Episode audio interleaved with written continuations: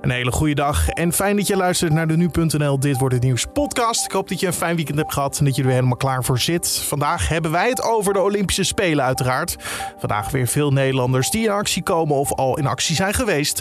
De strafzaak tegen Balië-Syriër Aziz A. En aanvragen voor een zesde loonsteunpakket kunnen vanaf vandaag ingediend worden. Dat allemaal zo. Maar eerst kijken we kort naar het belangrijkste nieuws van nu. Mijn naam is Carne van der Brink en het is vandaag maandag 26 juli.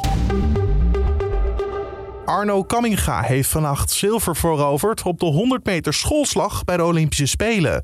Het is de derde Nederlandse zilveren medaille in Tokio. Het goud op de 100 meter schoolslag was voor de Brit Adam Peaty, die zijn favoriete status waarmaakte. Peaty op weg naar het goud.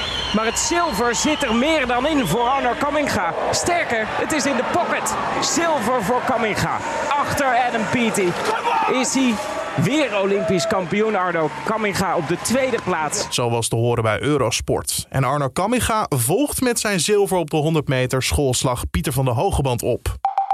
De hockeysters hebben ook hun tweede groepsduel tegen Ierland op de Olympische Spelen gewonnen. Het was een eenrichtingsverkeer in Tokio. De Nederlanders hoefden in de hele wedstrijd geen enkele doelpoging toe te staan.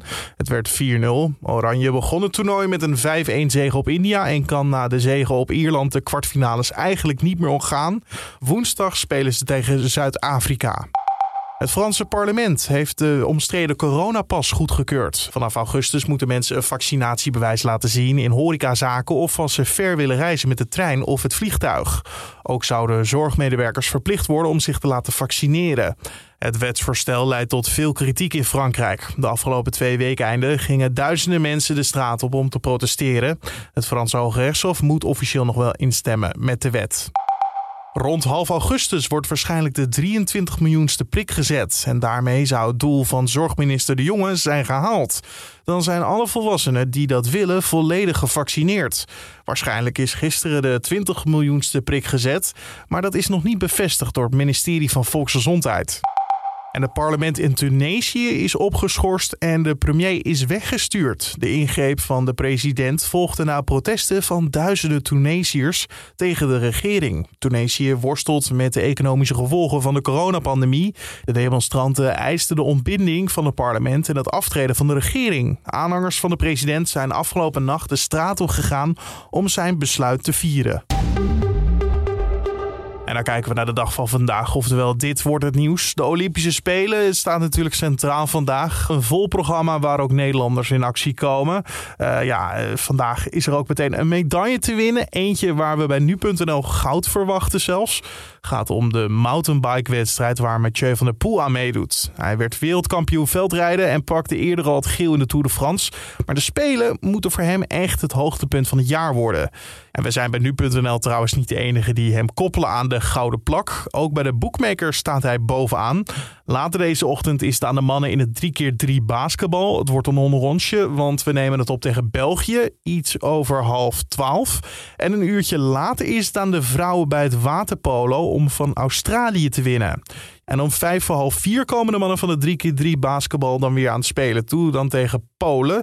En in Nederland sluiten we de dag af om half twaalf. Al is het in Tokio dan natuurlijk al dinsdag met de Olympische afstand voor de triathlon onder vrouwen.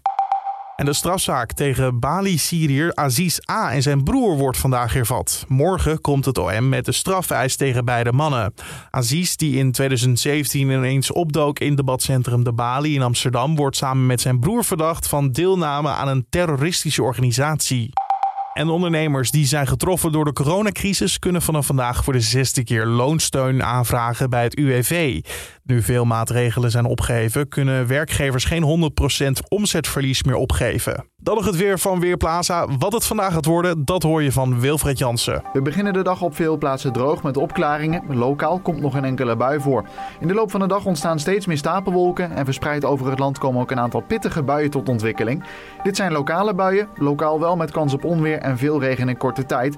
De verschillen lokaal kunnen heel groot zijn, dus er zijn ook een aantal regio's waar het vandaag misschien wel nagenoeg droog blijft.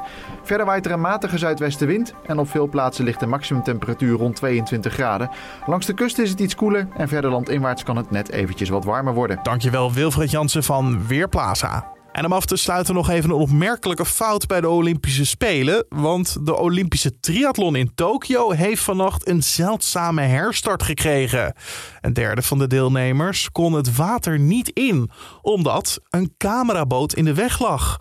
Terwijl de atleten die gehinderd werden achterbleven bij de start, had de organisatie moeite om de overige mannen terug naar de start te krijgen. Want veel atleten zwommen gewoon door, terwijl er een alarm klonk dat een valse start aangaf.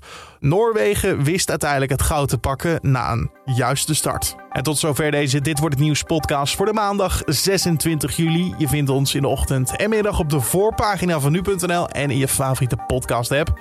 Denk dan aan een Spotify, Apple podcast of Google podcast. En je kan je gratis abonneren. Kost niks en zo staat hij altijd voor je klaar. Mijn naam is Carne van der Brik. Ik wens je een hele mooie dag en heel erg bedankt voor het luisteren.